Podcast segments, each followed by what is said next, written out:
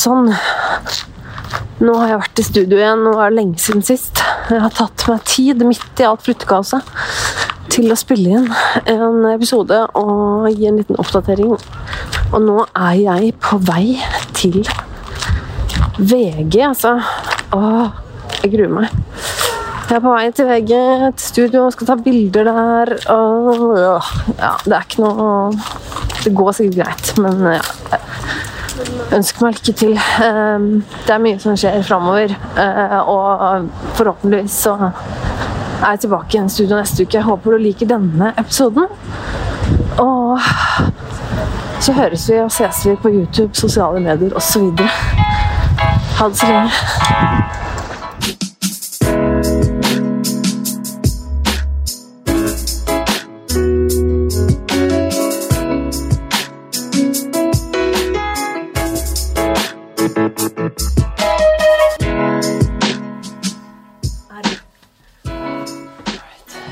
Recording. Nå går lyden, vet du. Åh, ok. Hei, folkens. Velkommen endelig tilbake i studio. Um, nå, velkommen til en ny episode av Nerve. Nå er vi endelig i gang, altså. Nå er det, nå er det lenge siden sist. Og jeg har en følelse av at dette kommer til å ta litt tid. Og jeg har litt vondt i halsen, så jeg håper det går greit. Nå har jeg både vann og kaffe tilgjengelig. Um, så vi må bare ta det her litt som det kommer. Uh, og jeg Hodet mitt er ikke helt uh, på plass, altså. Um, så Og det Vi må liksom bare komme i gang her, sånn at uh, um, jeg Ja, nå har jeg notatene mine og alt foran her. Ting går. Ja. Um, og det første, første jeg har på um, notatene mine her nå, uh, står 'Jeg filmer ikke fordi' uh, Og det er jo bare bullshit, fordi jeg filmer jo. Um, men det er så typisk uh, meg, vet du, fordi jeg hadde egentlig Jeg hadde egentlig tenkt å ikke filme i dag. For jeg kommer ikke til å ha jeg kommer ikke til å ha tid til å redigere og legge ut den videoen her samtidig som den podkasten her kommer ut, det er jeg helt sikker på. Jeg filmer jo hver episode og legger det ut på YouTube, sånn at folk kan se på YouTube uh, Se på podkasten min på YouTube. Det er en del folk som gjør det. Og for ordens skyld, jeg liker jo å ha alt likt. Jeg liker å gjøre det med hver eneste når jeg først har gjort det, ikke sant. Og da tanken om å ikke gjøre det i dag, det ble da litt for vanskelig til at det lot seg gjennomføre og la være. Um, grunnen til at jeg tenkte at jeg ikke skulle filme i dag, det var fordi at uh, jeg har, um, har egentlig ikke tid til det. Uh, altså, eller å filme er én ting, jeg har tid til å filme, det er jo på en måte Det tar ikke tid. Men det er det å redigere og legge det ut som på en måte gir den ekstra lille jobben, da, uh, med podkasten etterpå, som jeg egentlig ikke har tid til. Og jeg um, tenkte at jeg skulle da la være å filme, bare sånn at jeg ikke Sånn, for da vet jeg at da kan jeg ikke gjøre det. Da kan jeg ikke liksom gi meg selv den unnskyldningen om at ja, men jeg har øh, jeg har opptaket, jeg kan bare legge det ut, jeg, må, jeg føler at jeg må gjøre det, eller et eller annet. Så jeg tenkte liksom, hvis jeg lar være å filme, så kan jeg da, da, må jeg la være å gjøre den jobben. Uh, men så gjør det litt for vondt i uh, ordenssjela mi å bare la være å filme, og så tenker jeg sånn, ja, men hvis jeg bare filmer, så kan jeg liksom jeg kan legge det ut seinere. Jeg kan liksom ha det til seinere. Ja, så jeg vet da fader hva jeg skal gjøre med det. Om det ligger ute på YouTube nå eller ikke, det veit jeg for øyeblikket ikke i, i recording-stund. Uansett, jeg, dette blir nok en slags oppsummeringspodkast, for nå har jeg ikke vært her på noen uker. Og det er ganske mye som foregår og har skjedd, og jeg har gjort så mye liksom crazy greier i det siste. Det er liksom helt psyko mye greier på en gang nå. Um, og det, jeg får sp liksom spørsmål om det, folk som lurer på hvordan det gikk eh, her og der, og hva jeg gjorde Ja, ikke sant. Så jeg, jeg, må liksom bare bruke den tiden her nå på å liksom fortelle hva som har skjedd, og Uh, rett og slett gå gjennom kalenderen min. Jeg sitter nå liksom med notatene og kalenderen min foran meg. For uh, ja, det er liksom bare Ok, hva har jeg egentlig drevet med? Um, Og da uh, skal jeg begynne litt med Fordi at eh, etter forrige gang eh, så var jeg hos eh, legen og skulle Vi skulle snakke om medisiner, fordi at jeg hadde liksom sett for meg at ok, jeg skal til Moskva, jeg skal gjøre en frikken spillejobb uh, på en tattoo convention. Uh, et, med, spille med et instrument jeg aldri liksom har brukt Altså, dette er bare så insane at jeg liksom er blitt med i et band og skal opptre nå Nei, det er bare så sinnssykt opplegg. Og jeg har så mye angst for alt mulig, og det er altfor mye som skjer, så jeg tenkte sånn Jeg må ha noe å roe nervene med. Um, jeg må ha et eller annet som hjelper litt på den angsten, og hun eh, legen som eh, vikarierte og ville gi meg antidepressiva, hun eh, kan gå og legge seg, fordi jeg vil ikke ha det. Jeg vil ha noe som er mot angst. Som jeg kan ta når det trengs, og ikke noe som jeg må inn på som på et løp som jeg må ta liksom hver dag. Så jeg fikk jo det da jeg var hos legen Nei, da jeg var hos psykologen sist, for da hadde jeg en time hos psykologen min og en lege på DPS. Så vi hadde en time hvor jeg først har satt sammen med både psykologen min og legen, og så hadde jeg liksom resten av tiden sammen med bare psykologen min. Um, og hun ga meg um, en medisin som i utgangspunktet er en uh, antipsykotika. Um, altså medisiner som er mot psykose, men som brukes Eh, I små doser så brukes det for eh, å roe uro og tankekjør, da. Altså type angst og sånne ting, eller fordi det virker beroligende, og det er også sånne type medisiner man, eh, man kan få hvis man skal ha problemer med å sovne og sånn, eller før, altså problemer med tankekjør om kvelden og ikke få sove på grunn av det og sånn, eh, så er det liksom ikke så uvanlig å bruke det på sykehus og sånn. Um, den jeg Nå skal jeg uh, sjekke det Jeg har det foran meg, har jeg ikke det da? Jo da. Fordi det hun ga meg Nei, ikke gå sånn. Ikke dastne den nå. Um, det hun ga meg, det var noe som heter Truxal, og det er en uh, Oi. Um, uh, og det er en uh, anti, antipsykotisk Ja, gå inn der, da. Herlighet. Jeg går inn på felleskatalogen, jeg skal bare Fordi at jeg skal mm. uh, Og det er um, antipsykotisk, og som sagt brukes som dette i små doser. Og, um, og, og, mest av alt så tenkte jeg at jeg skulle ha dette fordi at jeg skulle ha den spillejobben. Og tenkte at det hadde vært sykt nice om jeg kunne Og, og fordi at jeg skulle en helg til Moskva, liksom. Og være med på denne conventionen og drive og spille. Altså, det var helt insane. Det var det som stressa meg mest. Jeg tenkte det hadde vært jævlig nice å ha de pillene, bare så jeg kunne ta det liksom og bare Ok, det, ro, det tar liksom det verste. Og så uh, var jeg såpass smart at jeg Fordi at jeg fikk disse pillene da på, på onsdag. Um, på onsdag liksom for to uker siden. Uh, og så skulle jeg reise på fredag, og så tenkte jeg ok um, Jeg tar og um, Uh, ja, men slutt. Å, nå var det mye mas på den telefonen. Nei, åh. Uh, uh, så jeg tar og tester den på onsdag. Da skal jeg på øving, jeg og bandet Vi skal Eller det viste seg jo at det bare var Det var jo bare jeg og han duden Altså, han heter Det er litt forvirrende, men han heter Gunnar. Han eh, Det er liksom samme navn som samboeren min, det blir liksom vanskelig. Uh, men uh, for, Gunnar i bandet og jeg, det ble jo til at bare vi to som skulle dra, fordi at det, han tredje som skulle være med, han fikk ikke visum osv. Det her har jeg fortalt om. Um, men, så vi skulle øve da på torsdag. Så jeg tenker at ok, jeg prøver å ta denne medisinen Eh, den prøver jeg å ta på torsdag, så jeg kan liksom merke litt av hvordan den effekten er på meg, for det er jo Det vet man jo aldri, ikke sant? Og jeg hadde ikke brukt dette her før. Um, men grunnen til at Og grunnen til at jeg For dette her er Dette her er uh, Jeg har tatt Jeg har ikke tatt Truxal før, men første gang jeg var innlagt på akuttpsykiatrisk, så sleit jeg veldig med tankekjør og Eller i hvert fall en av de første gangene. Så eh, fikk jeg tilbud om å få Serokvel, som er no tilsvarende.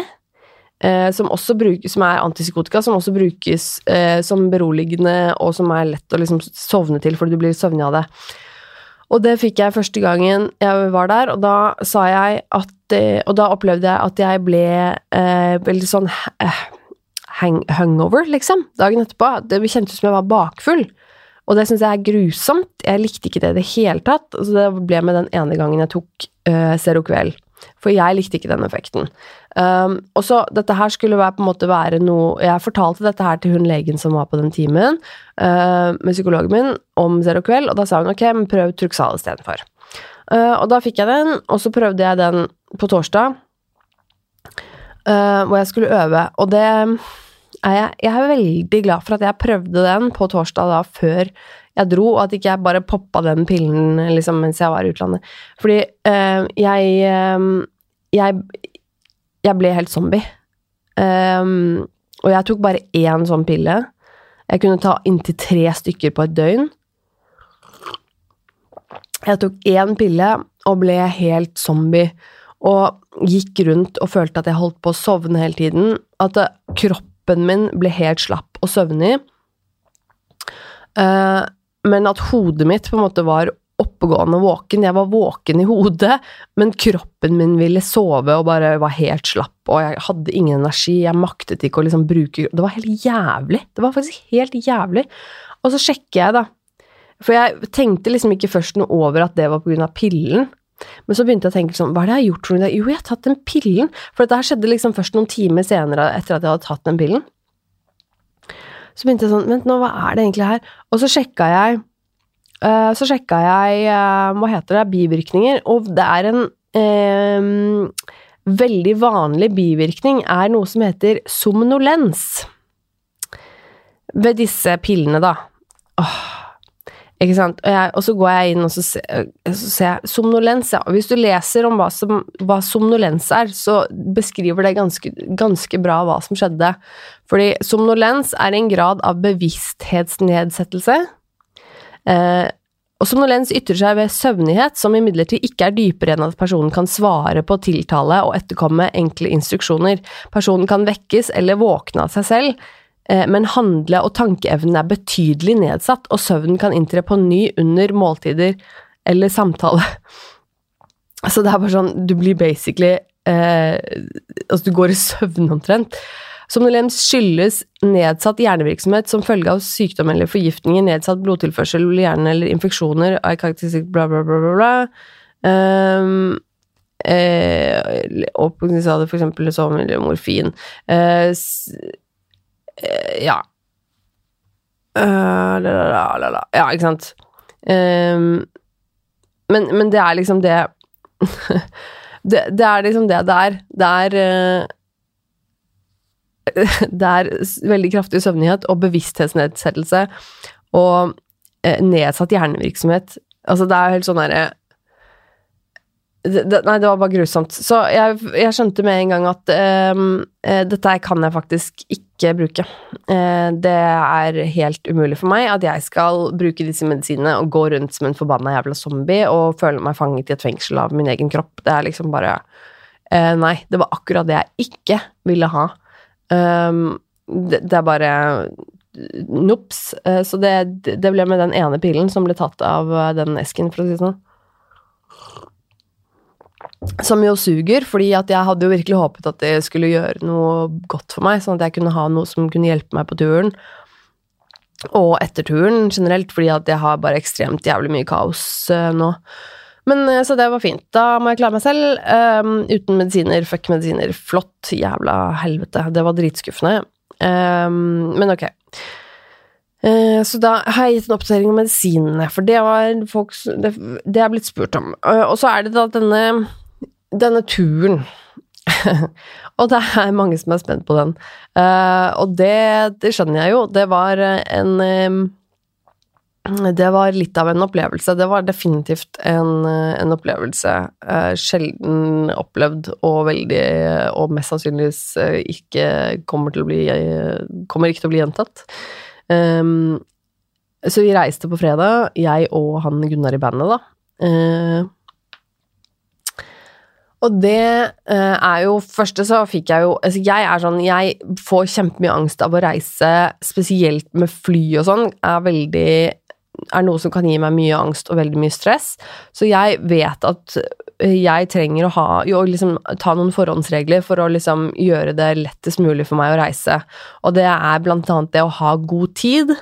Uh, vite at liksom Komme til flyplassen i hvert fall to timer før jeg skal reise. Um, gå gjennom de nødvendige greiene, liksom sikkerhetskontroll og alt det der, sjekking Alt det der skal liksom gjøres med en gang, sånn at jeg kan komme meg gjennom, uh, gjennom der. Og, og, ha tid til å faktisk roe meg ned etterpå. Uh, helst eh, på en måte kunne sitte ned og drikke kaffe og bare liksom vite at ok, nå har jeg god tid. Um, og, og, vite at også om det dukker opp et eller annet, så har jeg også god tid på å ordne det før flyet går. Altså det er liksom ja, sånne enkelte ting som på en måte må, være på plass. Jeg må ha liksom ting organisert og planlagt og sånn. Um, og det er for så vidt greit i utgangspunktet at vi, vi, kommer til flyplassen ganske tidlig, og så skal vi um, sjekke inn, og det må vi gjøre manuelt med det der forbanna Aeroflot, som er det vi um, Russian Airlines, uh, som jeg aldri skal bruke igjen. Fy F uh, for noe drit. Det var bare Um, ikke, ikke anbefale. Uh, vi skal sjekke inn der om å gjøre det manuelt ved en skranke, og vi skal sjekke inn bagasje. Vi har jo da med oss uh, selvfølgelig uh, en bagasje, en koffert som skal sjekke inn, pluss to instrumenter og håndbagasje. Uh, og så når vi kommer og skal sjekke inn, så viser det seg Dette her var bare forbanna helvete. Så viser det seg jo at jeg har kjøpt uh, innsjekket bagasje med billetten min, men det har ikke han gjort. Uh, av en eller annen grunn så har det skjedd en feil der, eller at det har blitt noe surr, sånn at vi har egentlig Vi har bare én bagasje betalt for å sjekke inn. Um, og det er jo et problem når vi har tre. Uh, og par av de er liksom spesialbagasje pga. Liksom størrelse og form, og det er instrumenter og sånn. Altså, det er på en måte Eh, og de, og de, er ikke så fryktelig behjelpelige og kjappe, de menneskene som jobber i Airflot på Gardermoen. De var bare sykt eh, eh, Rett og slett ganske kjipe ham å gjøre, og hun ene dama som eh, vi ble balende med etter hvert, som skulle ordne oss med dette her, hun var eh, veldig Hun likte ikke oss, da, for å si det sånn, eh, og hun var hun oppførte seg rett og slett uh, ganske nedverdigende og var veldig sånn uh, Hva heter det når du liksom ser ned på noen og oppfører deg som du er Oppførte seg overfor oss som om vi var småbarn. det var helt latterlig, måten hun snakket oss på, og vi prøvde å være veldig tålmodige og forståelsesfulle. Ble etter hvert veldig frustrert.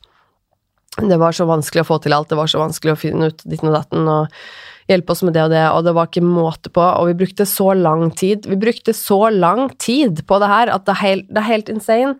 Uh, og etter hvert så står vi der, og det er under en time. Uh, det er under en, un, godt under en time til flyet skal gå, og vi er ikke engang kommet oss gjennom sikkerhetskontrollen. Vi har ikke fått boardingkortene og fått sjekka inn henne. Altså, det er helt sånn Og jeg uh, Jeg står der og opplever det, og merker at jeg får mer og mer og mer angst, og begynner å bli Begynner å bli veldig tett i liksom brystet, begynner å bli litt sånn ok, eh, dette går ikke, vi kommer jo ikke til å rekke flyet, hva i helvete gjør vi nå? Um, vi, dette, dette, går ikke. Um, og jeg ville helst bare gå hjem. Jeg var veldig på kanten til å bare si at vet du Uh, sorry, fuck it, jeg, jeg, takler ikke dette. Du må enten dra alene, eller så må vi droppe det, fordi at uh, dette takler jeg ikke. Og jeg hadde helt sånn tårer i øynene på et tidspunkt og var sånn, ok, dette går ikke. Jeg vil bare hjem. Uh, følte meg ekstremt ukomfortabel, og jeg hadde liksom Nei, det var bare, det var bare helt Det var helt forferdelig. Um, og så etter hvert så måtte vi måtte selvfølgelig betale masse penger for å få den ekstra bagasjen, og for å ditten og datten, og den var jo selvfølgelig veldig tung, den bagasjen uh, vi hadde, og det var liksom ikke måte på hvor ekstremt jævlig de greiene her var. Og hun dama her var så frekk, og hun var så utrolig nedlatende, og um, og det, etter hvert så ble det et par stykker som ble stående bak oss i kø ved denne skranken hvor hun sto og holdt på. Um, hvor du, vi da må vi avslutter, og um, min venn er blitt ganske frustrert, han også, og sier på et tidspunkt at dette her er faen meg den dårligste servicen jeg har fått noen gang. Det her er helt insane, liksom, og var ganske frustrert. Um, hvor, hun, hvor, vi liksom pakker og skal gå, og hun um, presterer å si et eller annet på russisk til de som står i køen bak oss, uh, som er et eller annet nedverdigende om folk som har tatoveringer. Uh, og det, det for, Min uh, kompis min kan ikke uh, snakke russisk, men han kan forstå noe av det nok til å liksom skjønne at det hun sa, var noe om at ja, ja, dette er jo typisk sånne folk som har tatoveringer. Altså et eller annet sånt noe. Og han ble jo drittforbanna og klikka og bare Du, tror du ikke jeg skjønte hva du sa nå, liksom? Er du seriøs? Står du her og snakker dritt? Altså Og han ble drittforbanna, og hun ble veldig flau og veldig Ja. Nei, det var lættis. Og, og jeg sto der og bare Men nå må, vi, nå må, vi, faktisk bare gå. Vi må faktisk bare løpe, liksom. Gi beng i alt. Bare kast penger på den dama her. Bare få henne til å ordne det. Whatever. Vi må bare løpe, liksom. Så etter hvert så fikk vi sjekka inn, vi fikk gitt fra oss bagasje, vi fikk boardingkortene. Vi um, løp gjennom sikkerhetskontrollen, heldigvis ikke så lang kø der. Løp videre til gaten Uh, og uh, rekker å liksom De holder på å boarde akkurat når vi um, kommer til gaten. Og jeg ser i, i, farta på vei til den gaten, så ser jeg på billetten at det står standby. At vi har ikke fått seter på billetten, eller på boardingkortet. Vi har fått standby. Og da blir jeg litt sånn Nei, men for fuck's sake, har hun dama her seriøst gitt oss standby-billetter? Sånn at det vil si at hvis det ikke er ledige plasser på flyet, så kommer vi ikke med. Uh, men da vi kom i gaten, så fikk vi tildelt nye seter, så det er veldig bra. Og i tillegg så fikk vi business class. Altså, vi ble bumpa til business class. Um, som sikkert er fordi at vi sjekka inn så seint at det ikke var noe annet ledig enn de som var på business class. Eh, men det var jo vel fortjent, vil jeg påstå, så vi ble sittende i hvert vårt eh, ganske store sete og fikk eh, champagne servert da vi satte oss ned, og det var bare Yes, please, gi oss alkohol! Altså, Da var vi så frustrerte og slitne begge to, og da skulle vi sitte noen timer på det flyet, og det var bare så deilig at vi fikk servert eh, gratis liksom mat og drikke i et komfortabelt sete. Um, ja, det, det, var, eh, det, var, virkelig etterlengtet, eh, litt sånn komfortabel eh, setting i noen timer. Og så skulle vi jo egentlig bli hentet på flyplassen da vi kom til Moskva, fordi han Kompisen min Gunnar, han er jo litt sånn derre Hva skal jeg si Kjendis, liksom, innenfor tattoo-businessen. Han er jo, ja så han skulle dra dit på den conventionen for å jobbe, ikke sant, og så skulle vi spille og sånn i tillegg på en convention. Da ble vi litt sånn vippe, vet da faen. Så vi skulle i hvert fall bli plukka opp på flyplassen, og vi skulle bli kjørt hit og dit og sånn. Ehm, men han som skulle plukke oss opp på flyplassen, han hadde blitt sendt til feil terminal. Så vi sto der og venta og venta, og det var jo ingen som kom, og så måtte vi kontakte folk fram og tilbake, og så ble vi stående på flyplassen i halvannen-to timer, så jeg, og vente på han der fyren. Når han endelig kom, så ble vi sittende i den bilen i kø, i omtrent stillestående kø fra Moskva og inn til fra flyplassen inn til Moskva sentrum. Eh, så det var jo kjempefint. Når vi endelig kom fram på hotellet, så var det bare sånn oh, fuck my life, nå er jeg bare så forbanna sliten. Men da måtte vi jo Da skulle vi igjen bli plukket opp på hotellet for å bli kjørt til den, eh, det stedet der den convention skulle være, da, for at vi skulle sjekke opp det og liksom rigge opp litt til dagen etter, og så videre. Um, og han som kom og hentet oss på hotellet, og som skulle kjøre Kjøre oss til denne conventionhallen, det var en annen fyr. Og han eh, kommer en fyr og så eh, kom en ganske sånn streit, svart bil, liksom. Eh, Mers eller um, Eller med, jeg er ikke sikker. Um, og eh, svart, liksom streit bil, og veldig sånn Når du først setter deg inn, så blir det sånn Oi, det her var fancy, for her er liksom sånne der, um, lyse sånne skinnseter, og det er sånne gardiner i vinduet og litt sånne ting. Og da er det meg og Gunnar, kompisen min, og en eh, til fra eh, som, som, Gunnar kjenner, som også er liksom i convention-greiene. som han sitter foran, og sitter jeg og Gunnar bak. Og så begynner vi å kjøre, og så blir det sånn «Å, Ok, dette her var jo ålreit, liksom. Og så begynner plutselig han eh, kompisen vår som sitter foran, og begynner å si sånn Ok, folkens, folkens. Um, han, um, han har pistol, han har pistol. Og vi bare Hæ? Hva sier du? Ja, ja, han har pistol. Han har liksom pistol tydelig liksom hengende på hofta, han sjåføren vår.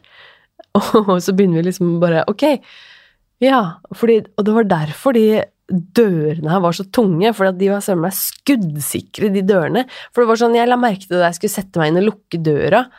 Eh, så var det sånn de, Han måtte hjelpe meg, han sjåføren han kom og dytta en For den var så tung, den døra, at jeg fikk nesten ikke Altså, jeg fikk nesten ikke lukka den, for den var så tung. Da, var, da begynte ting å liksom Ok, vi er der, liksom. Vi har en sjåfør som har pistol på hofta, og bilen er skuddsikker, og det var liksom ikke måte på. Altså, det var helt eventyr. Det var helt eventyr. Uh, og det var ganske noia, og det var sånn at vi begynte å tulle litt med Han snakka heldigvis ikke et kava ord engelsk, han sjåføren, fordi vi måtte snakke engelsk til hverandre, for han kompisen uh, til meg, Gunnar, foran, han uh, er fra Østerrike, og Gunnar er fra Island og snakker bare engelsk. Måtte, ja, så vi, vi, snakker jo engelsk. Heldigvis forsto ikke han sjåføren et ord engelsk, og vi ble sittende sånn Ok, pass på hva vi sier nå. Ikke nevn Putin. Ikke nevn liksom Uh, noe Bare liksom Ok, for, vi, kødder med, vi kødder ikke med han fyren her, liksom. Nå er vi i Russland, og sjåføren vår har pistol. Um, uh, shit's getting real. Nå, dette her var litt sånn, ja. Nei, det var litt noia, og samtidig veldig morsomt. Uh, ja. Det var ganske spesielt. spesiell opplevelse. Ja, uansett. Um, også helgen var liksom jeg må sjekke uh, notatene mine. Jeg sa dette kom til å ta tid, folkens. Um, uh, ja. Og, og, vi ble egentlig kjørt fram og tilbake. Ikke han, da. Han bare kjørte oss egentlig på, her på starten og på slutten, og så rett før vi skulle hjem, og så kjørte han oss, han fyren der. Uh, annet enn det så fikk, ble vi liksom kjørt i um, litt sånn derre um, Eh, hva skal jeg si, så, sånn minibuss, på en måte, aktig. Sånn der, eh, som er sånn uh, Hva blir det? Sjuseter, liksom. Men en sykt fancy en, som var sånn hadde sykt høyt under taket, og hadde sånn dritsvært TV, og de setene vi satt i, var sånn dritstore kongeseter med sånn massasje i ryggen og sånn. Altså, det var Nei, det var helt drøyt. Og eh, helt sånn surrealistisk. Og vi satt der jo liksom bare sånn Dette her er jo lættis. Eh, de, altså vi, De tror vi er kjendiser, på en måte. Altså Nei, det var Det var veldig gøy. Um, uh, og så uh, jeg, jeg, har jeg har filmet veldig mye sånn småsnutter gjennom hele liksom, turen, og blant annet i bilen og litt sånne ting som jeg tenkte at jeg skal prøve å lage en vlogg av det her uh, når jeg får tid. Um, og så var det jo da uh, utgangspunktet en tattoo convention, uh, hvor Gunnar da jobbet. Uh, tatoverte en dame som han hadde booka på forhånd, som, um, som skulle ha et portrett av Freddie Mercury på ryggen. Um, og hun var jo Hun var jo klin gæren, hun dama. Altså, er det greit å si det her? Nå blir jeg litt sånn Ja, hun er russisk, herregud. Uh, Jeg tenker sånn Det går an å finne ut hvem hun er. Hvis du, hvis du veldig gjerne vil, så går det an å finne ut Men jeg tenker sånn Nei, vet du fuck it, hun er russisk.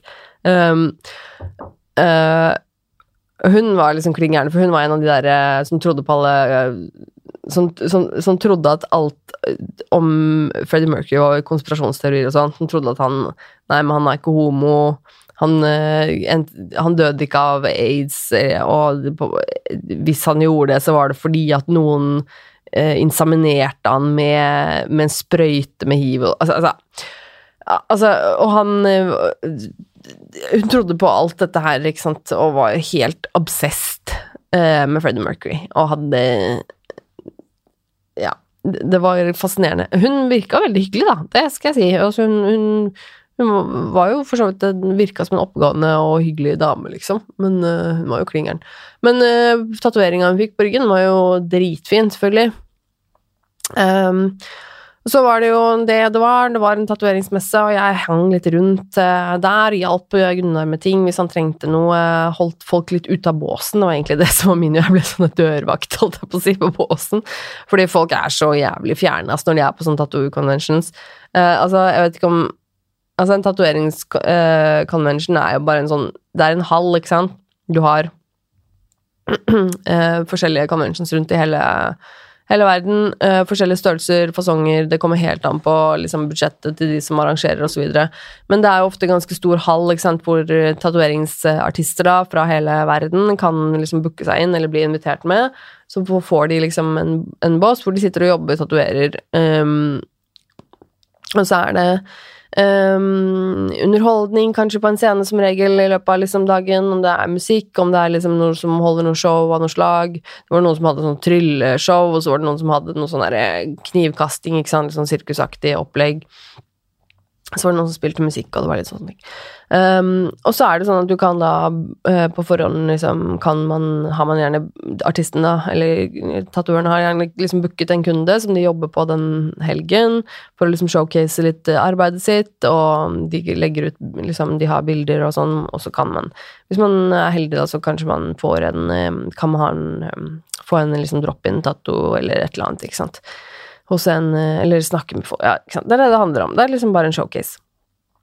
Um, og det er eh, ålreit. Uh, folk kommer, betaler for en billett, og så kommer random folks inn og ser på um, underholdningen og kikker på messa og i det hele tatt. Um, så jeg ble jo liksom sittende der mye av tiden sammen med Gunnar i båsen og, og henge med dem og sørge for at folk holder seg litt utenfor, fordi folk skal liksom lene seg over, ta bilder og liksom skal helst så nærme som mulig, og det er liksom noe med at både liksom avstand i forhold til liksom Holdt jeg på å si litt, litt, privacy, liksom, men også det med eh, hygiene og sånn, for det er veldig viktig. Du skal på en måte holde en viss sånn clean zone når du holder på med sånne ting. Det skjønner jo ikke Det er mange som ikke skjønner det, og som ikke har sosiale antenner over hodet, og som liksom skal bøye seg. altså Det er helt utrolig. Så jeg ble liksom bulldoggen som bare Hei, hold deg tilbake, liksom. Som henta ting hvis det var et eller annet som mangla, eller ja. Og så ble jeg hengende litt med han eh, kompisen som var med i bilen, som jeg fortalte tidligere. Som uh, var der i forbindelse med et firma som driver med å holde på med en sånn uh, blekk og sånn. Tatoveringsblekk som, uh, ja, ikke sant, som var der. Og han en dritkul fyr, så vi hang litt sammen og gikk litt, tusla litt rundt, og så var det en uh, barbercon der også, på liksom andre delen av convention-senteret, som var liksom masse kjente uh, hva heter det, frisører, eller barbers, da, som hadde liksom rigga opp der. Så der plutselig sto det klynge med folk som skulle se på en eller annen kjendis, barber, gjøre en uh, barbererjobb på en eller annen random ikke sant. Det var helt kjempeartig, morsomt. Eh, og så er det noen små butikker eller sånne båser som folk selger litt sånn stæsj, og ja. Men det var gøy. Det var veldig gøy. Og så er det mm, Så var det jo dette at vi spilte, da. Og det er jo sikkert det dere fleste lurer på. Det var sånn Ja, men hvordan gikk, hvordan gikk spillejobben? Uh, for det var jo det jeg var mest nervøs for. Um, men det gikk jo på en måte Det gikk så fort, da. Heldigvis. Eller både òg. Eh, fordi at vi var jo Vi hadde jo da Var det seks låter eller noe? Eh, litt usikker på akkurat hvor lenge vi spilte, men det var liksom seks låter langt. Um, og jeg konsa veldig, og var veldig Jeg gruet meg og var veldig sånn Vi må bare få det unnagjort. Og jeg prøvde å liksom bare ikke følge med så mye egentlig på hva som skjedde rundt meg, og sånn Jeg må bare gjøre det jeg skal, bare kons, ha ting klart, ha liksom notater, alt sånn rekkefølge på ting. Uh, og jeg så egentlig bare på en måte ned i ned i pianoet mitt og prøvde å konse om å bare spille. jeg ville ikke kikke så mye opp uh, på folk som sto og så på. Um, men jeg tror det gikk greit. Jeg spilte egentlig det meste riktig. Jeg tror jeg bare liksom dreit meg ut én gang, og det var ikke noe sånn voldsomt. Det var liksom bare Ja, henta meg inn ganske kjapt, og det gikk egentlig fint. Eh, det var ikke noe gøy. Men det er, det er, fordi det var, det var, rett og slett for mye noia. Uh, sånn at det, jeg klarte liksom ikke egentlig å føle at det var gøy. Det er gøy å ha gjort det, da. Det var liksom gøy etterpå. Jeg tenker liksom jeg er glad for at jeg gjorde det, og det, var, det er gøy å ha gjort det, liksom. Eh, og så håper jeg at det går bedre herfra, på en måte. Det er liksom Ja. Eh, og det var siste dagen. Og så var det sånn afterparty for um, For liksom de Hva skal jeg si Kjendisene? Eller liksom Ikke kjendisene, men de vippene. Eller de tatovørartistfolka som på en måte var invitert til afterparty. Uh, og det inkluderte meg. Uh, som uh, var veldig kult. så jeg fikk jo være med på afterparty. Um, og da hadde de um, Tattoo Convention-folka, de hadde da leid en sånn uh, Hva heter det? Uh, en sånn elve-cruisebåt. Uh, sånn med sånn ganske sånn stor med masse vinduer. med liksom bord, sånn middag, restaurantopplegg inni der, liksom, hvor de hadde liksom servert sånn Hva heter det? Koldtbord, liksom. Hvor det var sånn mange sånne store, runde bord. Og så hadde de liksom bare servert liksom bøttevis med mat på liksom bordene, og eh, det var ganske disgusting, egentlig.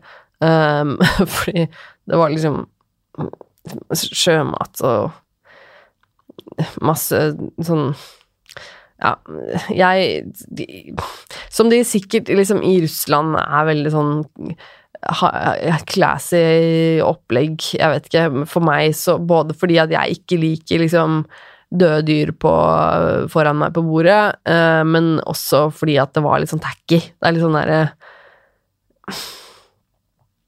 Tenk deg liksom litt sånn det var på 90-tallet, hvor det var liksom more is more med av mat, og hvor alt liksom bare skal være veldig sånn Ja, nei, det var litt den Og det Ja, jeg syns jo det var litt sånn og så var alt liksom litt ihjelkokt, på en måte. Skjønner? Det var liksom akkurat litt for Nei. Ja, uansett. Men, det, men for all del, det var veldig sånn Veldig sånn sjenerøst, uh, da. Det var det jo. Uh, og vi hadde det jo kjempegøy. Og det, var jo ikke mulig å gå derfra edru, fordi at uh, bare du tok en liten sipp, Eh, så kom de og fylte på det glasset med en gang, enten om det var eh, champagne, om det var whisky, eller om det var eh, cola eller vann, liksom, eller alle, alle sammen, for de fikk liksom Vil du ha deler det? Ja, begge, ok, men ta begge deler, og så fikk du plutselig liksom både sjampis og whisky og alt stående foran deg. Altså, det var helt sånn Ja, det var, det var drøyt. Um, og så var det på en båt som var veldig kult, så den etter hvert så jo Så drev jo den og seilte oppover slash nedover et eller annet elva der.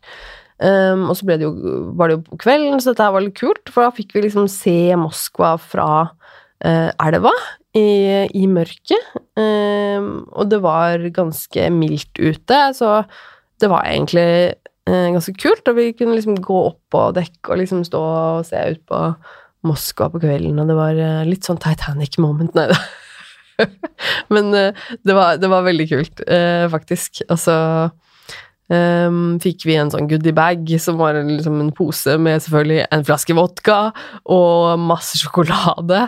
Så det var jo ikke akkurat så midt i blinken for meg. Jeg er ikke så veldig glad i ren vodka og heller ikke spiser vanlig sjokolade. Så det er på en måte ja, ja, men takk, takk. Og så etter at denne båten da hadde tatt den runden, og det, vi kom i land igjen, og på en måte vi ble bedt om å Nå, er det steng, nå stenger det, på en måte, så vi skulle gå.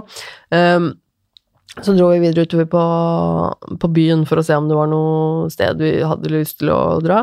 Uh, og så dro vi samme sted som vi hadde vært dagen før, um, men der uh, Det var jo søndag, så det var jo ingen mennesker ute. Um, så vi gikk til, til, det stedet, så tok vi liksom én øl der eller et eller annet, hvor jeg også presterte å, å knuse vodka flasken på gulvet på det utestedet. Og det var ikke sånn at jeg var så drita, liksom, at jeg bare rava rundt og bare øh. altså, Men det var sånn Jeg skulle for jeg hadde plutselig ansvaret for to eller tre av de goodiebag-posene. Og så skulle jeg på et tidspunkt liksom eh, reise meg opp, for vi skulle gå derfra, og så klarte den ene å dette ned fra stolen noe, så den knuste utover gulvet. Og jeg bare sånn Å, herregud! Jeg knuste en vodkaflaske på ute... Altså, åh, det var så flaut. Men de damene som jobbet der, de var sånn Nei, nei, nei, det går så fint. Drit i det. Bare gå, bare gå. Vi ordner det, liksom. Jeg bare Å, herregud, unnskyld, unnskyld. Jeg følte meg som den største idioten. Jeg liksom ja, det var den uh, vodkaflaska. Ja, eh, ikke at det gjør meg så mye, jeg trengte vel egentlig ikke den. Men det var en fantastisk Fantastisk um, afterparty. Og, veldig utrolig hyggelige folk. Herregud, så mye hyggelige folk jeg ble kjent med av de tattooartistene som kom fra liksom hele verden, som øh, øh, Folk kjenner jo hverandre litt, ikke sant, fordi folk er med på dette her ofte, og eh, jeg ble liksom Fikk liksom henge litt sammen med dem og bli litt kjent med noen av de. Det var bare utrolig hyggelige mennesker. Um, og det var kjempegøy. Uh, så og hjemreisen gikk egentlig ganske greit. Vi fikk vi, Da var vi jo litt på en måte forberedt på at vi hadde litt for lite bagasje, så vi dro tidlig og liksom ordna det, og det gikk, eh, det gikk, faktisk overraskende greit. Hun dama som hjalp oss med bagasje på eh, Moskva på flyplassen, hun var jo eh, overraskende søt og hyggelig til å være russisk. Hun var veldig streng og russisk på sitt vis, men likevel så var hun litt sånn nesten litt hyggelig og sjarmerende. Altså, I den grad det går an når man er streng og russisk. Men nei, hun hjalp oss i hvert fall, og vi fikk eh, ordna alt. Og det var, eh, det var eh, tid nok til å sitte og liksom få i oss litt grann mat og litt kaffe. Um, og um, vi fikk ikke noe eh, business class på turen hjem, dessverre. Der fikk vi vanlig coach, og de setene er altså så små eh, og trange at også til og med jeg sliter litt med, liksom, med knærne, at knærne liksom bumper inntil eh, setet foran, og jeg Altså, greit, jeg er jo ikke bitte liten, men jeg er jo ikke kjempehøy heller, liksom. Jeg er 175 cm høy, eh, cirka. Men men uh, my buddy, kompis Gunnar, han er jo liksom typ nesten to meter. Uh, han sleit litt med å få plass, uh, så det var litt interessant å se han boltre seg på den, i det setet og prøve å bli komfortabel, for det tror jeg ikke var så lett. men ja, sånn at vi kom oss hjem, og det var en helt insane opplevelse. opp og ned hele tiden med opplevelser og angst og alt, men eh, stort sett en positiv ting. Eh, ikke bare lett, det var veldig utfordrende. Det var mange, mange hendelser av uh, angst og hvor jeg tenkte at uh, fuck my life, jeg vil bare hjem. Men jeg kom meg gjennom det, og det var verdt det. Uh, selv uten medisiner. og da jeg kom hjem, så hadde da min samboer i løpet av helgen vært og overtatt leiligheten vår vår nye eh, leilighet eh, som vi har kjøpt sammen, som eh, er nå grunnen til at jeg er så ekstremt busy, fordi vi driver og flytter og maler, ordner litt i den leiligheten før vi skal flytte inn, vi må bestille møbler, vi må organisere levering av disse møblene. Og, og, det er ikke så lett Det er liksom alle mulige sånne småting bare fordi at vi har jo ikke bil, ikke sant. Vi har ikke lyst på bil heller. Vi bor i Oslo, goddammit. Og det er sånn Bare det å på en måte da kjøpe maling da, kan være en utfordring, fordi det er ikke så lett å bare kjøpe maling hvis, hvis du ikke har bil, for eksempel, og ikke bor liksom midt i sentrum og har en buss eller en trikk så er det på en måte ikke så lett plutselig, så da blir det bare sånn Å, om jeg har hjelp til det, og kjøre dit og datten Ikke sant. Men det blir, det blir mye småting, og det blir mye, mye, mye kål. Uh, mye kaos. Og jeg er jo veldig Veldig opptatt av uh, å ha ting ryddig og organisert. Um, for å si det mildt. Sånn at um, når det er litt kaos, og jeg ikke føler at jeg har kontroll, så er det ekstremt vanskelig for meg. Det er litt som jeg snakka med um, psykologen min om når jeg var der på teamet nå i um, forgårs også. Så var jeg litt sånn Snakket om det liksom det om at det blir litt mye, uh, mye på en gang for tiden, og det med at jeg sliter veldig med å på en måte ta holdt jeg på å si, ta en ting av gangen. Jeg kan liksom ikke bare konsentrere meg om én ting, fordi at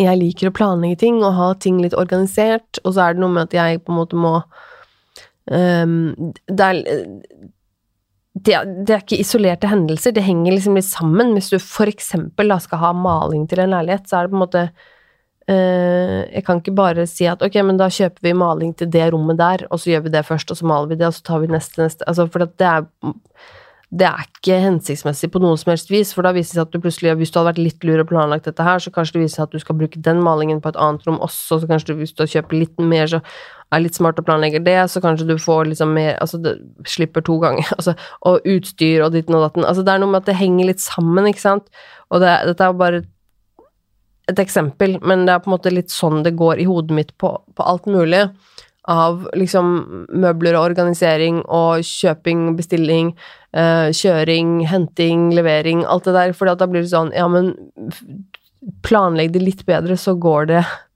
litt mer smooth. Kanskje spare litt penger der, spare litt tid der.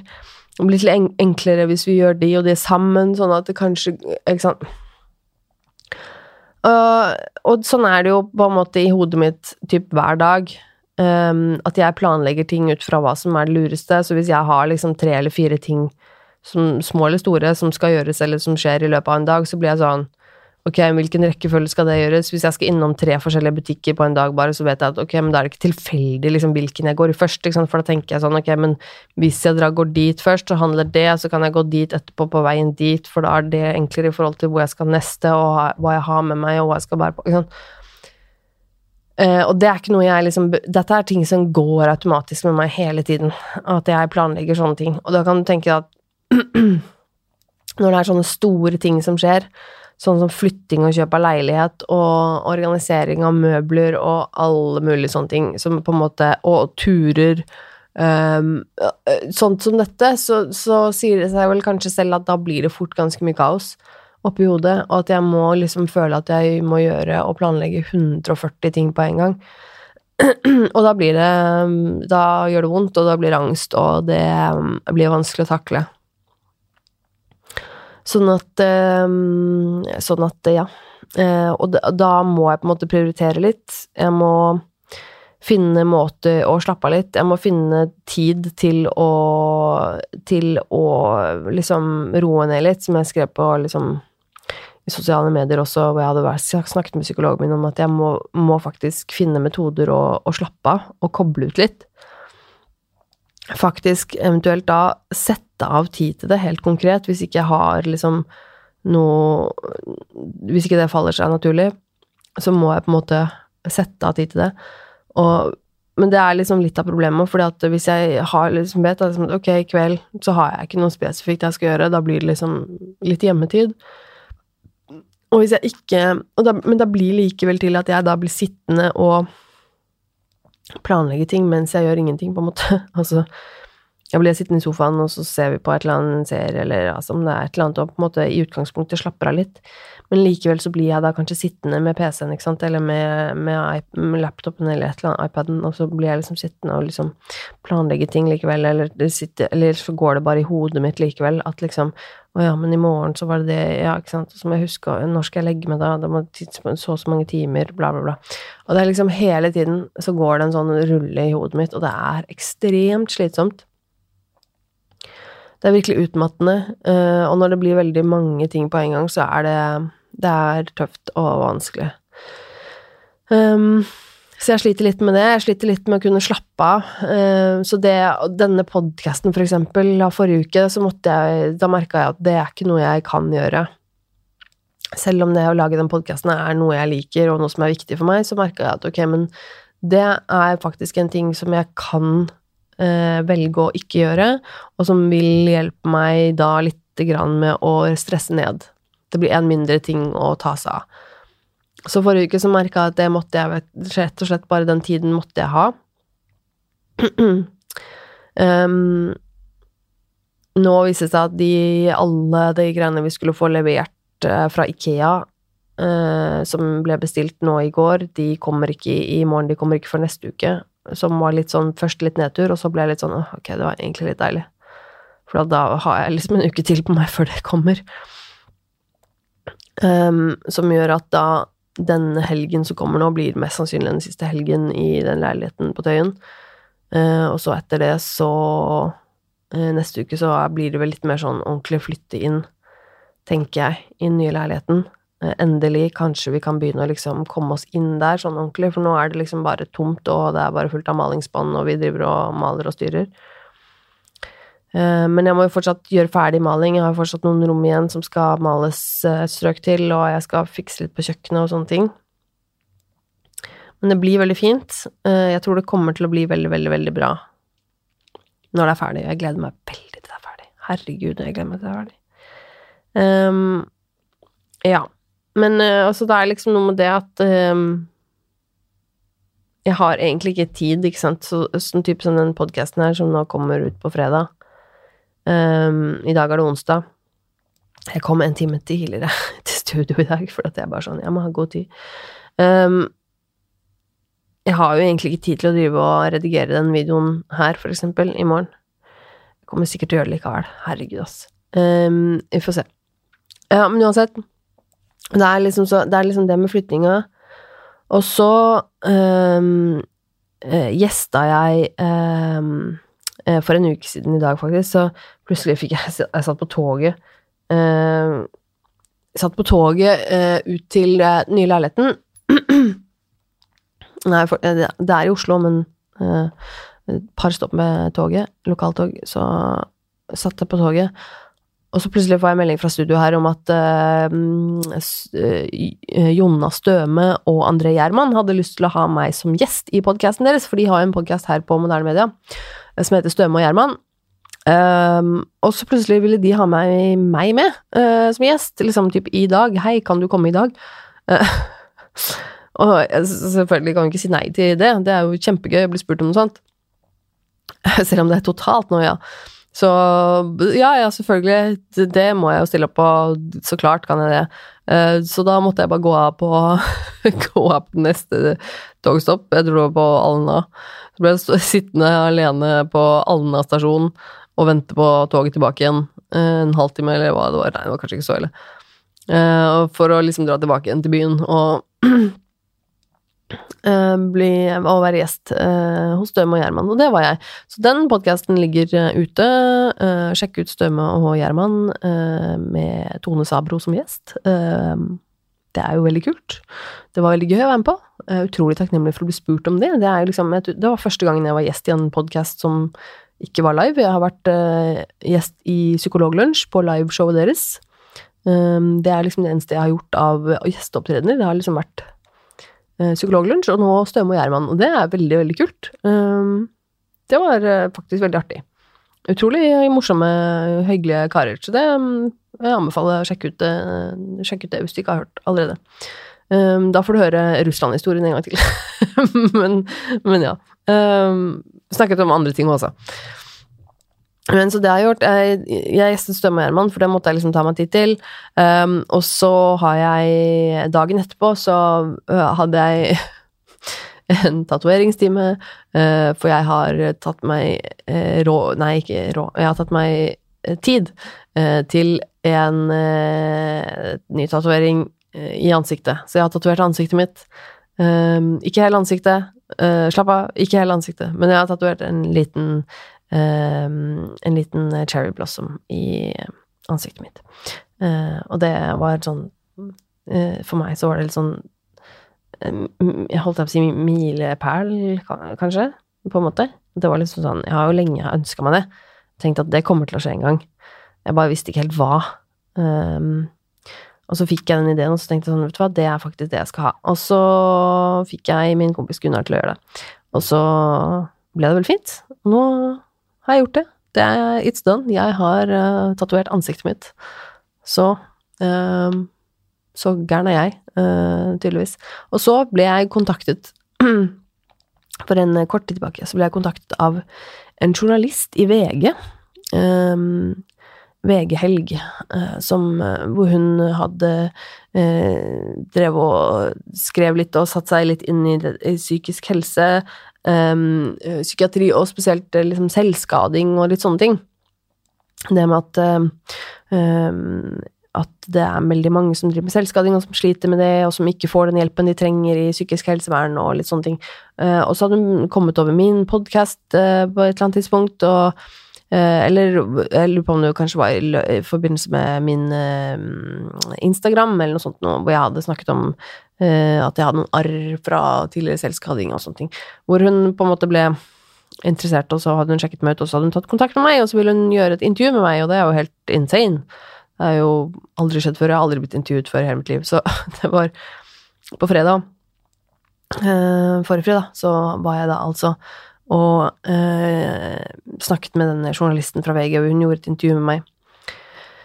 Eh, og vi snakket om podkasten min, om meg, om psykisk helse, om selvskading og om eh, spiseforstyrrelser, personlighetsforstyrrelser, angst, depresjon, alt mulig. Egentlig alt uh, som jeg har snakket om i denne podkasten her. Det er liksom det vi tok opp. Uh, og satt og pratet nesten to timer, og jeg hadde, jeg hadde så noia før hun kom. Jeg kom Jeg er jo sånn Vi skulle møtes på et sted jeg ikke har vært før, og da er det sånn type sånn Jeg må komme tidlig. For da må jeg liksom bli litt komfortabel med stedet. Jeg må se hva er dette for et sted.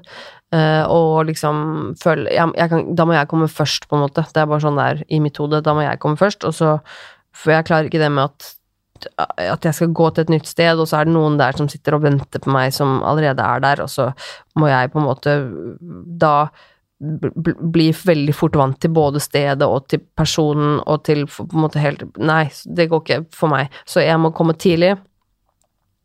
Og så må jeg da på en måte bli litt kjent eller komfortabel med stedet, og så få litt tid til å liksom roe meg før hun da kommer. Men da fikk jeg også tid til å liksom skikkelig grue meg. Uh, og jeg fikk litt tid til å få angst, og det er jo for så vidt ikke så bra. Um, så jeg satt jo der og bare fuck, fuck, fuck, fuck, fuck. Uh, vi driter i dette. Uh, jeg har ikke lyst til dette. Jeg orker ikke dette, var egentlig den følelsen jeg satt mest med. Det er sånn åh, jeg orker ikke. Enda et nytt menneske, enda liksom Å ta på seg den derre åh, den der maska, den der du vet sånn Å, jeg ser på meg hvor oppegående jeg er, se på meg så flink og hyggelig jeg er, og ja da, jeg syns det er så hyggelig å snakke med folk, jeg. Altså Og det høres så grusomt ut, men, men, det er liksom den, den maska da hvor jeg som er Som har reddet meg gjennom hele livet, som jeg har gjort at jeg har mestret hverdagen og mestret å leve i 30 år. Som har gjort at jeg har mestret å ha en jobb til tider og mestret å være et menneske. Eh, den der kontrollmaska, den der maska med at ja, jeg bare oppfører deg ordentlig, bare smil og ser bra ut. Litt den der. Eh, den, eh, den, den maska der, den har reddet meg på mange måter, men det er så jævlig slitsomt. Det er veldig, veldig, veldig slitsomt. Det blir jo Så jeg satt der bare åh, jeg orker ikke. Men selvfølgelig gjorde jeg det. Da satt, da satt jeg jo der allerede, og hun kom jo selvfølgelig etter hvert, og vi satt jo der og prata i to timer, og hun var veldig hyggelig. Absolutt veldig hyggelig dame, og en, jeg vil påstå en hyggelig samtale. Uh, hun noterte og samtidig tok opp samtalen. og hun spurte meg alt mulig spørsmål, og jeg følte at jeg klarte å svare egentlig ganske greit for meg. Det var på en måte ikke så uvant eller rart, uh, for det er jo dette det er jo det jeg gjør her i denne podkasten, og har gjort en, en, god stund nå, det å sitte og snakke om disse tingene, da. Så det er jeg på en måte vant til, å sitte og prate om det, og i tillegg så sitter jeg jo her som regel og holder en fuckings monolog, så jeg er jo vant til å faktisk sitte alene og ha ansvar for å ha dette gående alene. Så det å prate om det er, jo, er jeg jo blitt ganske god på etter hvert. Det, det, går, det går greit, og jeg kan jeg kan prate om ganske mye um, heavy shit med en, en, å ha en avstand til det som, uh, som um, uh, gjør at det går som regel greit. Det vet jo dere om, dere som hører på podkasten min, obviously. Um, at jeg klarer det. Så det var på en måte kom ikke som noe sjokk. Men det som overraska meg litt, eller som jeg er litt letta for, da, det er at da jeg gikk derfra etter intervjuet, så følte jeg meg ikke som verdens største idiot. Eh, jeg følte at det gikk greit. Um, men det var jo uh, Og det tror jeg er, for, er på grunn av denne podkasten. At det, det, var ingenting jeg snakket med henne om som jeg ikke har snakket om allerede på et eller annet tidspunkt i denne podkasten, liksom. At det er allerede ord som er kommet ut av munnen min før.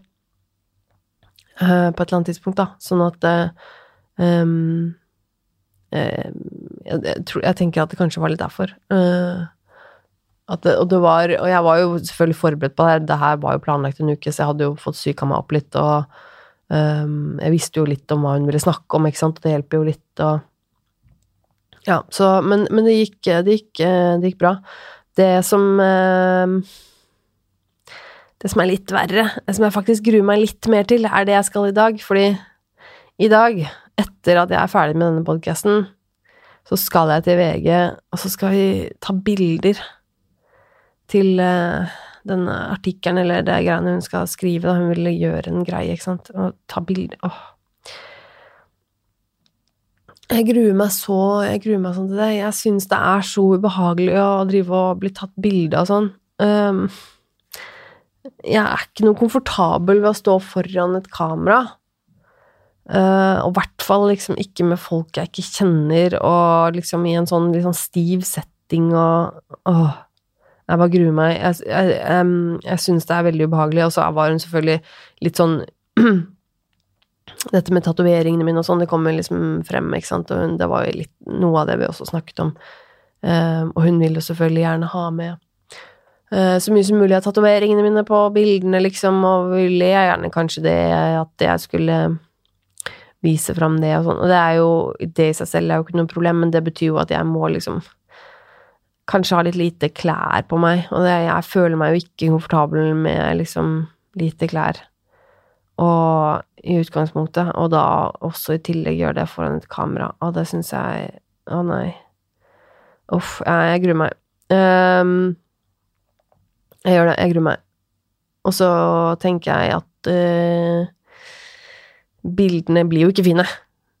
altså uh, de blir jo aldri fine. Det er jo liksom alltid sånn typisk sånn derre Det er så få altså til og, med, og samboeren min er jo liksom fotograf og driver med å ta bilder, og til og med når han tar bilder av meg, syns jeg det er ukomfortabelt. Og de fleste av de bildene han tar meg, syns jeg jeg, Altså, jeg kan se liksom at ja, bildet er sikkert bra, men jeg ser jo fuckings mongo ut. Jeg ser jo ikke bra ut, jeg er jo ikke fotogen.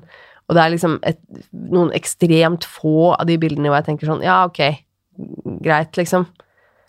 Uh, og da tenker jeg sånn, og da er det eh, liksom noen jeg kjenner, og da er det liksom at jeg kan på en måte få se bilder altså, Men nå er det sånn Det er øh, Nei, det, de, kommer, de, kommer, ikke til å bli fine i bildene, de kommer til å se grusomme ut, og så skal de muligens på trykk i en avis i tillegg. Det er jo helt forferdelig! Helt absurd. Ja, ja. Um, off. Ja, ja. Ja, ja, ja. Eh, nei, jeg får bare ja. Åh. Altså, og det er, det er kjempe Altså, misforstå meg rett, det her er jo, det er jo kjempegøy, ikke sant. Det er jo en grunn til at jeg sa ja til det her. Jeg kan ikke si nei når liksom en avis vil liksom kanskje lage en, en, artikkel, eller hva det heter, om meg, liksom, og snakke om det jeg gjør, og det vil jo gjøre podkasten min mer synlig, og det er kjempebra, og jeg ønsker jo det. Selvfølgelig ønsker jeg det. Så det er jo det er jo en kjempepositiv ting, men jeg Dere kjenner jo meg. Jeg får jo bare noia. Jeg klarer jo ikke liksom Her og nå så klarer jo ikke jeg å kjenne på at det er gøy, og at det er spennende og eh, positivt, sånn sett. Jeg klarer ikke å Jeg tenker det, men jeg klarer ikke å kjenne det, for jeg kjenner bare angsten. Jeg kjenner bare at jeg gruer meg. Um, og så hun var jo veldig selvfølgelig opptatt av at ja, men er du, er du liksom klar over at liksom Eller klar for at dette blir jo på en måte blir jo eksponert, da. Nå vil du liksom stå fram offentlig med med de issuene dine. Med, nå vil liksom stå fram offentlig og si at du har personlighetsforstyrrelse eller, eller spiseforstyrrelse og sånn, og jeg er bare litt sånn Ja, ja, men det har jeg gjort for lenge siden. Altså, podkasten min er offentlig, den er åpen for alle som vil høre i hele verden, basically. Uh, det er ikke noe hemmelighet. Sånn at det det er jeg helt åpen for og klar over og sånn. Det blir jo kanskje selvfølgelig noe litt annet når det er i en avis og sånn, men eh, nei, det går greit. Um, ja. Jeg er veldig spent på åssen det blir i intervjuet, åssen hun skal skrive det, og hun sa at jeg skulle få lese det før, uh, før det kommer ut. Det er jo for så vidt bra. Uh, om det kommer ut i det hele tatt, men vet du aldri, ikke sant, det kan hende det snur. Og så viser det seg at de ikke gidder i det hele tatt, det vet man aldri. Men jeg skal uansett holde dere oppdatert på det, så jeg skal si skal um, prøve å liksom si fra i sosiale medier, følge nerve med Tone på sosiale medier, uh, eller uh, min personlige Tone Sabro, så skal jeg sikkert Kommer jeg sikkert til å legge ut noe angående det når jeg, har, når jeg vet noe mer. Um, og så sjekk ut Støme og Gjerman, eh. Den ligger jo ute tilgjengelig alle steder der podkast er.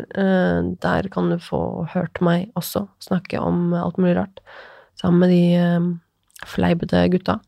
Um, og så er det jo sånn at min uh, kjære gutta Gunnar Kjomli og uh, Dag Sørås har jo denne dialogiske podkasten, som jeg også er en bitte liten del av.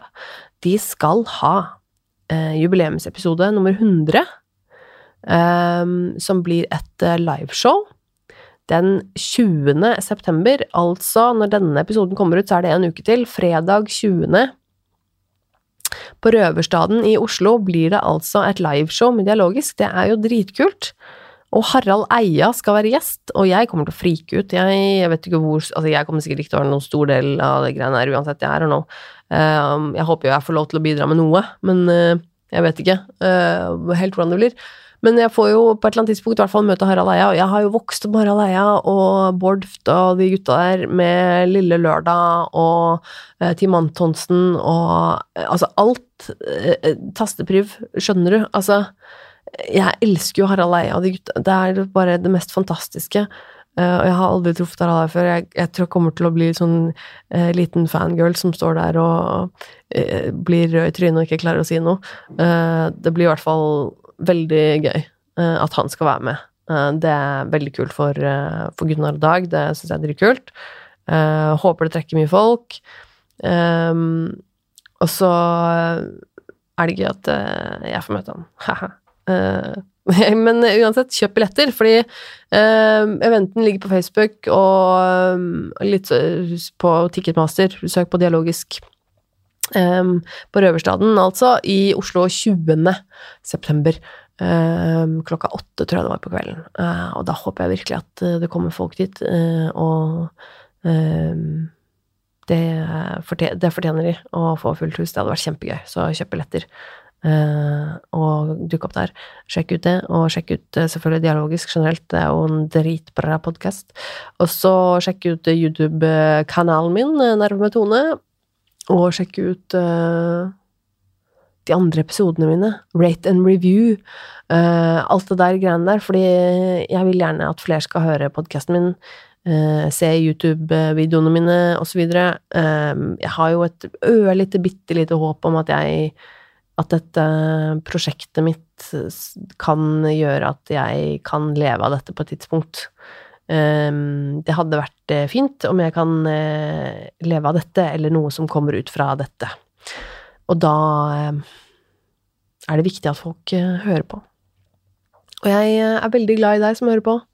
Jeg er kjempeglad for at folk finner podkasten min, og at jeg får stadig liksom drypper inn mailer og ting fra folk som nettopp har oppdaget podkasten min, og det er så hyggelig. Og jeg må Jeg har Um, jeg har eh, Det er noen jeg ikke har fått svart ennå, selvfølgelig. Det er noen av dere der ute som har sendt meg ting, og som jeg skal svare på, og som jeg ikke har fått svart på. Og det er bare Det gnager på meg, men jeg har ikke tid. Jeg har ikke tid til å drive og svare folk akkurat nå. Eh, men jeg leser alt, folkens. Jeg leser alt dere skriver til meg. Jeg digger det. Jeg er kjempeglad i dere, og glad i alle tilbakemeldingene jeg får fra dere. Det er eh, fantastisk kult. Uh, virkelig. Um, altså uh, nervemetone at gmail.com er mailen til uh, Nerve, mailen min. Uh, sjekk ut meg på Instagram, Facebook, Nervemetone eller Tone Sabro og i det hele tatt um, jeg, jeg, jeg, lurer på om jeg er kommet liksom til slutten av lista mi nå. Åh, jeg begynner å få ganske vondt i halsen, så jeg tror jeg kanskje avslutter nå. Jeg um, hører jeg, jeg, Ja. Men uh, neste uke er det i utgangspunktet satt opp uh, studiotid. Jeg aner ikke åssen livet mitt holdt opp, ser ut neste uke. Men forhåpentligvis er jeg tilbake i studio neste uke. Og så ønsk meg lykke til i dag med de forbanna bildene på åh, Jeg vet at det er for seint når du hører dette, men likevel. Ønsk meg lykke til. Um, og så høres vi om en uke, sikkert. Eh, og jeg digger deg. Eh, ha en fin helg og alt det der. Ja. Ha det bra.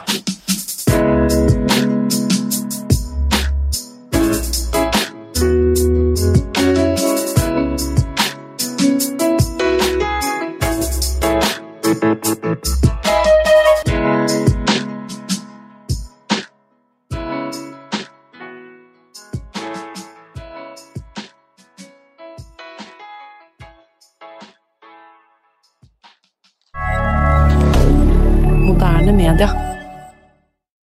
Har du et enkeltpersonforetak eller en liten bedrift? Da er du sikkert lei av å høre meg snakke om hvor enkelt det er med kvitteringer og bilag i fiken, så vi eh, gir oss her, vi. Fordi vi liker enkelt. Fiken superenkelt regnskap.